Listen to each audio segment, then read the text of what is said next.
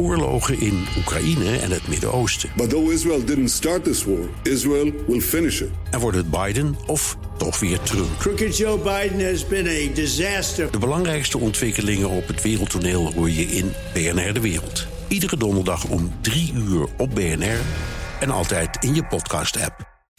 Postma in Amerika. Tijd voor het Amerikaanse nieuws door de ogen van onze correspondent in Washington, Jan Postma.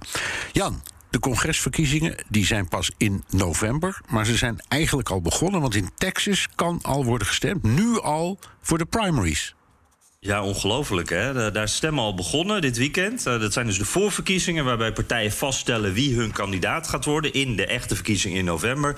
Uh, gouverneur, uh, congresleden, andere functies staan allemaal op het spel. En Texas is de eerste staat die ook te maken heeft met nieuwe, strengere regels. En daar merken mensen nu dus al dat, dat, dat de regels anders zijn geworden. Dat bepaalde formulieren die ze echt tientallen jaren hebben gebruikt het niet meer doen. dat ze ineens extra bewijzen in moeten leveren wie ze zijn. Texas is de eerste, maar andere staten volgen ook snel. Dus die campagnes gaan nu ook echt beginnen. Ja, en hebben ze dus ook de, de kandidaten al? Ik bedoel, er moeten aan die primaries nemen een heleboel mensen deel. Dus er moet dan een heel rijtje mensen zijn dat de ambitie heeft. En één van die mensen gaat het worden, of niet? Ja, precies. Ja, dat is nu nog een heel, heel veld aan mensen. Bijvoorbeeld voor, voor de gouverneur. Dan heb je natuurlijk Abbott, dat is de gouverneur die er nu zit. Uh, daarvan eh, merkten we al een tijdje, hè, Bernard, dat hij een beetje in de campagnestand staat. Nou, die heeft ook een paar, meerdere mensen die zijn baan over willen nemen. En, en voor die senaatsfuncties, uh, de lokale senaat, is het helemaal erg. Daar staan hele elftallen. Dus uh, drukte van belang. Oké. En bij de Super Bowl was zelfs de eerste verkiezingspot te zien. Ja, en dat was uh, toch wel slim hoor. Daar zat een slim verhaal achter. Uh, Dave McCormick is de kandidaat. Hij komt uit Pennsylvania. En uh, die kondigde van tevoren aan dat hij tijd had ingekocht tijdens de Super Bowl. Nou, jij weet ook, dat is de allerduurste plek van het jaar voor sportjes. Kost miljoenen. kreeg dus heel veel aandacht voor. Want dat hij dat kon betalen, nou, dat was toch wel een stunt. maar uiteindelijk, toen die spotjes werden uitgezonden... en ik zat ook te kijken, ik dacht, ik heb hem gemist... bleek dat hij uiteindelijk alleen in Pittsburgh te zien was. dat kost kostte maar 70.000 dollar in plaats van die tientallen miljoenen. Dus we zijn er een beetje ingetrapt allemaal. Heel veel aandacht voor. Uh, en uh, dat spotje kreeg ook aandacht voor de inhoud. Um, je ziet in beeld hogere inflatie, beelden van een terugtrekking uit Afghanistan, uh, andere zaken die beiden worden aangerekend. En het enige dat je hoort is een inmiddels bekende kreet.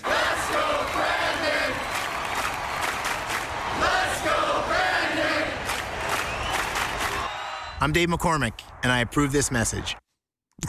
Ja, uh, let's go Brandon. We weten allemaal nu inmiddels wat dat betekent. Hè? Fuck Joe Biden. Uh, Trump-supporters gebruiken dat tot, om hun onvrede te laten horen. Uh, op deze manier op vlaggen, bumperstickers overal. En in Pennsylvania is nog een kandidaat die de aandacht grijpt. Daar hebben we het al eens eerder over gehad. Dr. Oz. Oh ja. die kennen we van Oprah. en die zag dit spotje en dacht... wacht even, die McCormick die, die heeft toch eens één keer wat positiefs over Biden gezegd. Dat haal ik op. Nou, dat spotje van Dr. Oz begint precies hetzelfde als McCormick. Maar dan hoor je ineens McCormick vrolijk praten over Biden. You know, I really appreciated President Biden's tone in terms of, uh, of his responsibility to serve the whole country. Ja, de boodschap die McCormick is gewoon voor Biden. Stem niet op hem, maar stem op mij. Dus Maar- het is daar al aardig uh, opgestoken. Maar ik hoorde, ik hoorde het nog steeds de mensen op de achtergrond... Let's go Biden scanderen. Terwijl je dit Let's go hoort. Brandon. Ja, ja, precies. Ja, ja, ja. En het eindigt ook met van, uh, wacht eens even. Uh, let's go Brandon. Die man die is echt voor, voor Biden. Dus Ja. uh, dit moeten we anders. Ja. Ja. En dan eh, in Missouri, daar maken de Republikeinse kandidaten voor de Senaat zich niet druk om criminaliteit, inflatie, corona. Daar draait het allemaal om China. Ja, dat verwacht je toch niet. Hè? Dat, dat, eh, eh, dat heeft met het volgende te maken. Er zijn best wat onderwerpen waar Republikeinse kiezers verdeeld over zijn. Of gewoon ook moe van zijn. Hè? Coronamaatregelen, dat is op dit moment niet voor iedereen een hit. Eh, zelfs niet als je daar sterke gevoelens over hebt. Mensen zijn er ook een beetje moe van, is de gedachte. En die senaatskandidaten hebben bedacht... wat is nou wel een onderwerp waar iedereen het over eens is? China. China is fout. Dat is een duidelijke tegenstander. Dat is een soort nieuw evil empire. Dankbaar onderwerp. Dus zelfs met Rusland Nu vol in het nieuws. Uh, Rusland is ook iets waar je wel wat verdeeld over kan zijn. In de Republikeinse Partij uh, willen ene helft hard ingrijpen, de andere helft juist niet. Dus dat is ook niet zo handig. Dus gaat het nu in Missouri, of all places, over China.